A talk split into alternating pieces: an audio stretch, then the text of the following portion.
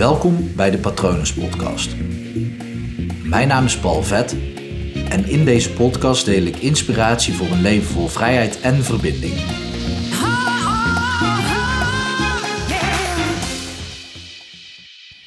Gewoon eens een leuke vraag om over na te denken. Waar ben jij trots op? En dan bedoel ik bij jezelf natuurlijk, dus niet bij een ander. Dus niet op wie ben je trots. Overigens leuk om te weten, je kan alleen maar trots voelen voor iemand um, je van houdt.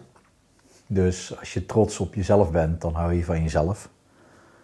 En als je trots op een ander bent, dan kan je dat alleen maar voelen als je van die persoon houdt. Of om die persoon geeft als je dat minder eng vindt. maar waar ben je trots op? Ik, uh, ik plaats een foto op Instagram. Zo eens in de zoveel tijd vind ik het wel leuk om een foto daarop te plaatsen. In plaats van alleen maar uh, quotes. En uh, ik was naar die foto aan het kijken. Ik denk, nou, ik moet nog een, een hoek hebben om ook een stukje tekst erbij te schrijven. Omdat ik elke dag natuurlijk ook een stuk tekst deel en ook een podcast deel. En de ene keer gaat dat wat dieper en de andere keer werk ik dagen vooruit. En op een dag als vandaag dan uh, moet het nog komen, terwijl het nu, ik weet niet eens hoe laat we leven, half acht avonds is. Op vrijdag. Um, maar ik keek naar die foto en op die foto zie je achter mij mijn boekenkast staan. En daar heb ik heel mooi, heb heel mooi in balans, is het bijna. Ik zet ondertussen even het ding recht waar ik het zo over ga hebben. Maar heel mooi in balans heb ik aan de linkerkant drie Boeddha-beeldjes staan. Waarvan er, moet ik het goed zeggen, ja, één heb ik van mijn moeder gekregen. Die komt uit het plaatje Heusden. Gewoon in Nederland dus. Maar het is wel een hele mooie Boeddha. Die heb ik ook gekregen van mijn moeder um, tijdens ons laatste dagje uit samen. Mijn moeder die wilde graag nog een paar dingen doen uh, voordat ze zou komen te overlijden. Ze was ongeneeslijk ziek. En het laatste dagje uit wat we samen hebben beleefd was in Heusden. Dus uh, vandaar dat die Boeddha speciaal voor me is. En die andere twee die komen uit Nepal. Allebei van een ander jaar dat ik daar ben geweest.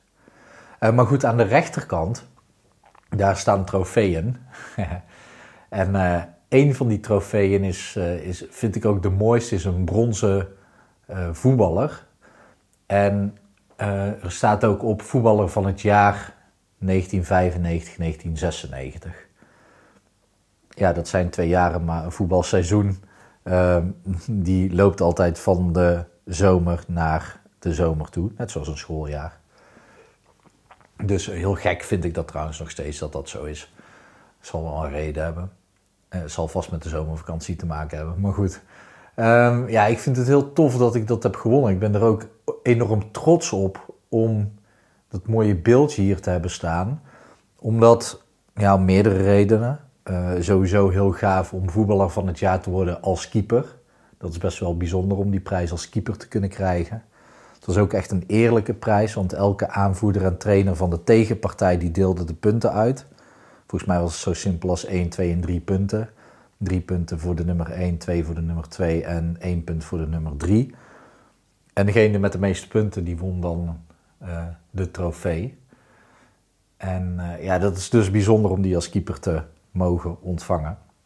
Sowieso bijzondere jaren toen in die periode, want uh, we waren ook vrij sterk met ons team. Ook mijn hele team dankbaar. Want uh, ook voetballer van het jaar kan je niet alleen worden. Hoe gek dat, dat misschien ook klinkt, maar daar heb je echt een team voor nodig.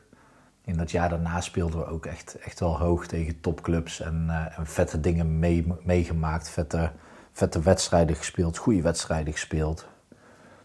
Echt goede high gehad. En het jaar daarna een dikke low door in de ene laatste wedstrijd het kampioenschap te verliezen in de 98ste minuut. Als je niks van voetbal weet, een voetbalwedstrijd hoort 90 minuten te duren. In de 98ste minuut scoorde een tegenstander de 3-3. Ik raakte hem nog aan met mijn vingertoppen en de bal belandde binnenkant paal in het net. En daardoor verloren we het kampioenschap. Ik, uh, ik ben er nog steeds ziek van. Niet dat die bal specifiek mijn fout was, dat niet. Ik kon daar gewoon niks aan doen.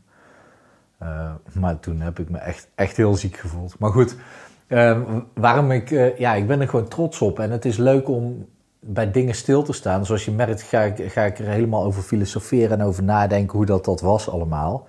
Het is gewoon leuk om bij jezelf eens te raden te gaan van, ja, waar ben je nou trots op? Wat heb je nou beleefd? Wat heb je gedaan waar je trots op bent? En schrijf het eens op of ga er gewoon eens eventjes over nadenken en even bij voelen. Dan voel je een stuk beter, merk ik.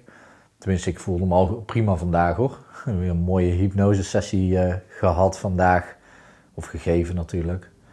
Weer mooi door een probleem heen kunnen werken.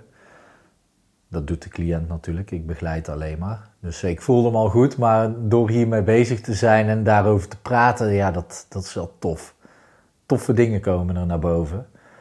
En uh, ja, het is gewoon gaaf. En eh, waarom ik er ook vooral trots op ben, zat ik nog te bedenken, zou ik ook nog zeggen, is um, ik heb er ook keihard voor gewerkt om gewoon echt een goede keeper te zijn. Um, ja, ik, had blijkbaar talent, want ik werd ook gevraagd voor een proeftraining bij NAC, NAC Breda. Momenteel niet de topclub, topclub van Nederland, maar goed, wel een, een topclub natuurlijk ten opzichte van de amateurs waar ik speelde. Uh, maar echt keihard gewerkt, elke training aanwezig, ook als het vroor, ook als het regende, maakt niet uit.